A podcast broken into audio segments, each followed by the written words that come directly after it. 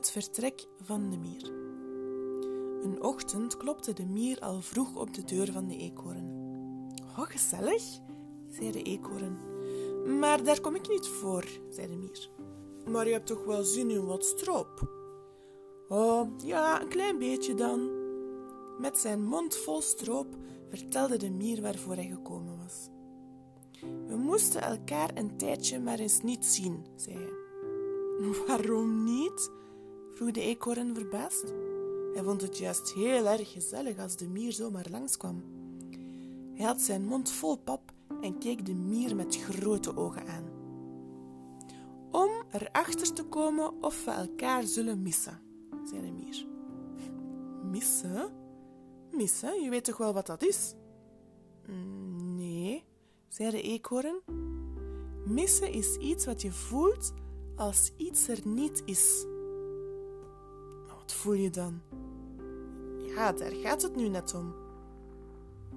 Dan zullen we elkaar dus missen, zei de eekhoorn verdrietig.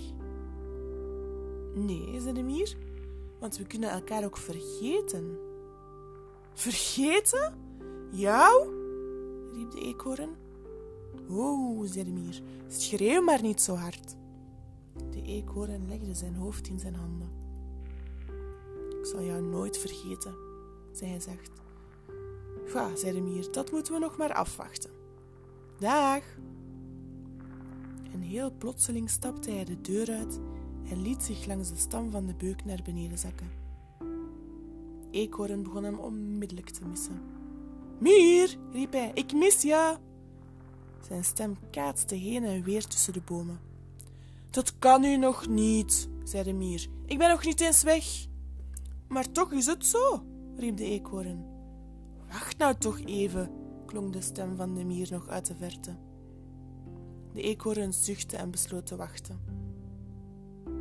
Maar hij miste de mier steeds heviger.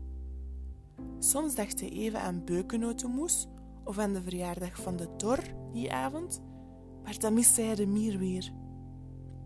Smiddags hield hij het niet langer uit en ging naar buiten. Maar hij had nog geen drie stappen gedaan of hij kwam de mier tegen. Moe, bezweet, maar tevreden. Het klopt, zei de mier. Ik mis jou ook en ik ben je niet vergeten. Zie je wel, zei de eekhoorn. Ja, zei de mier.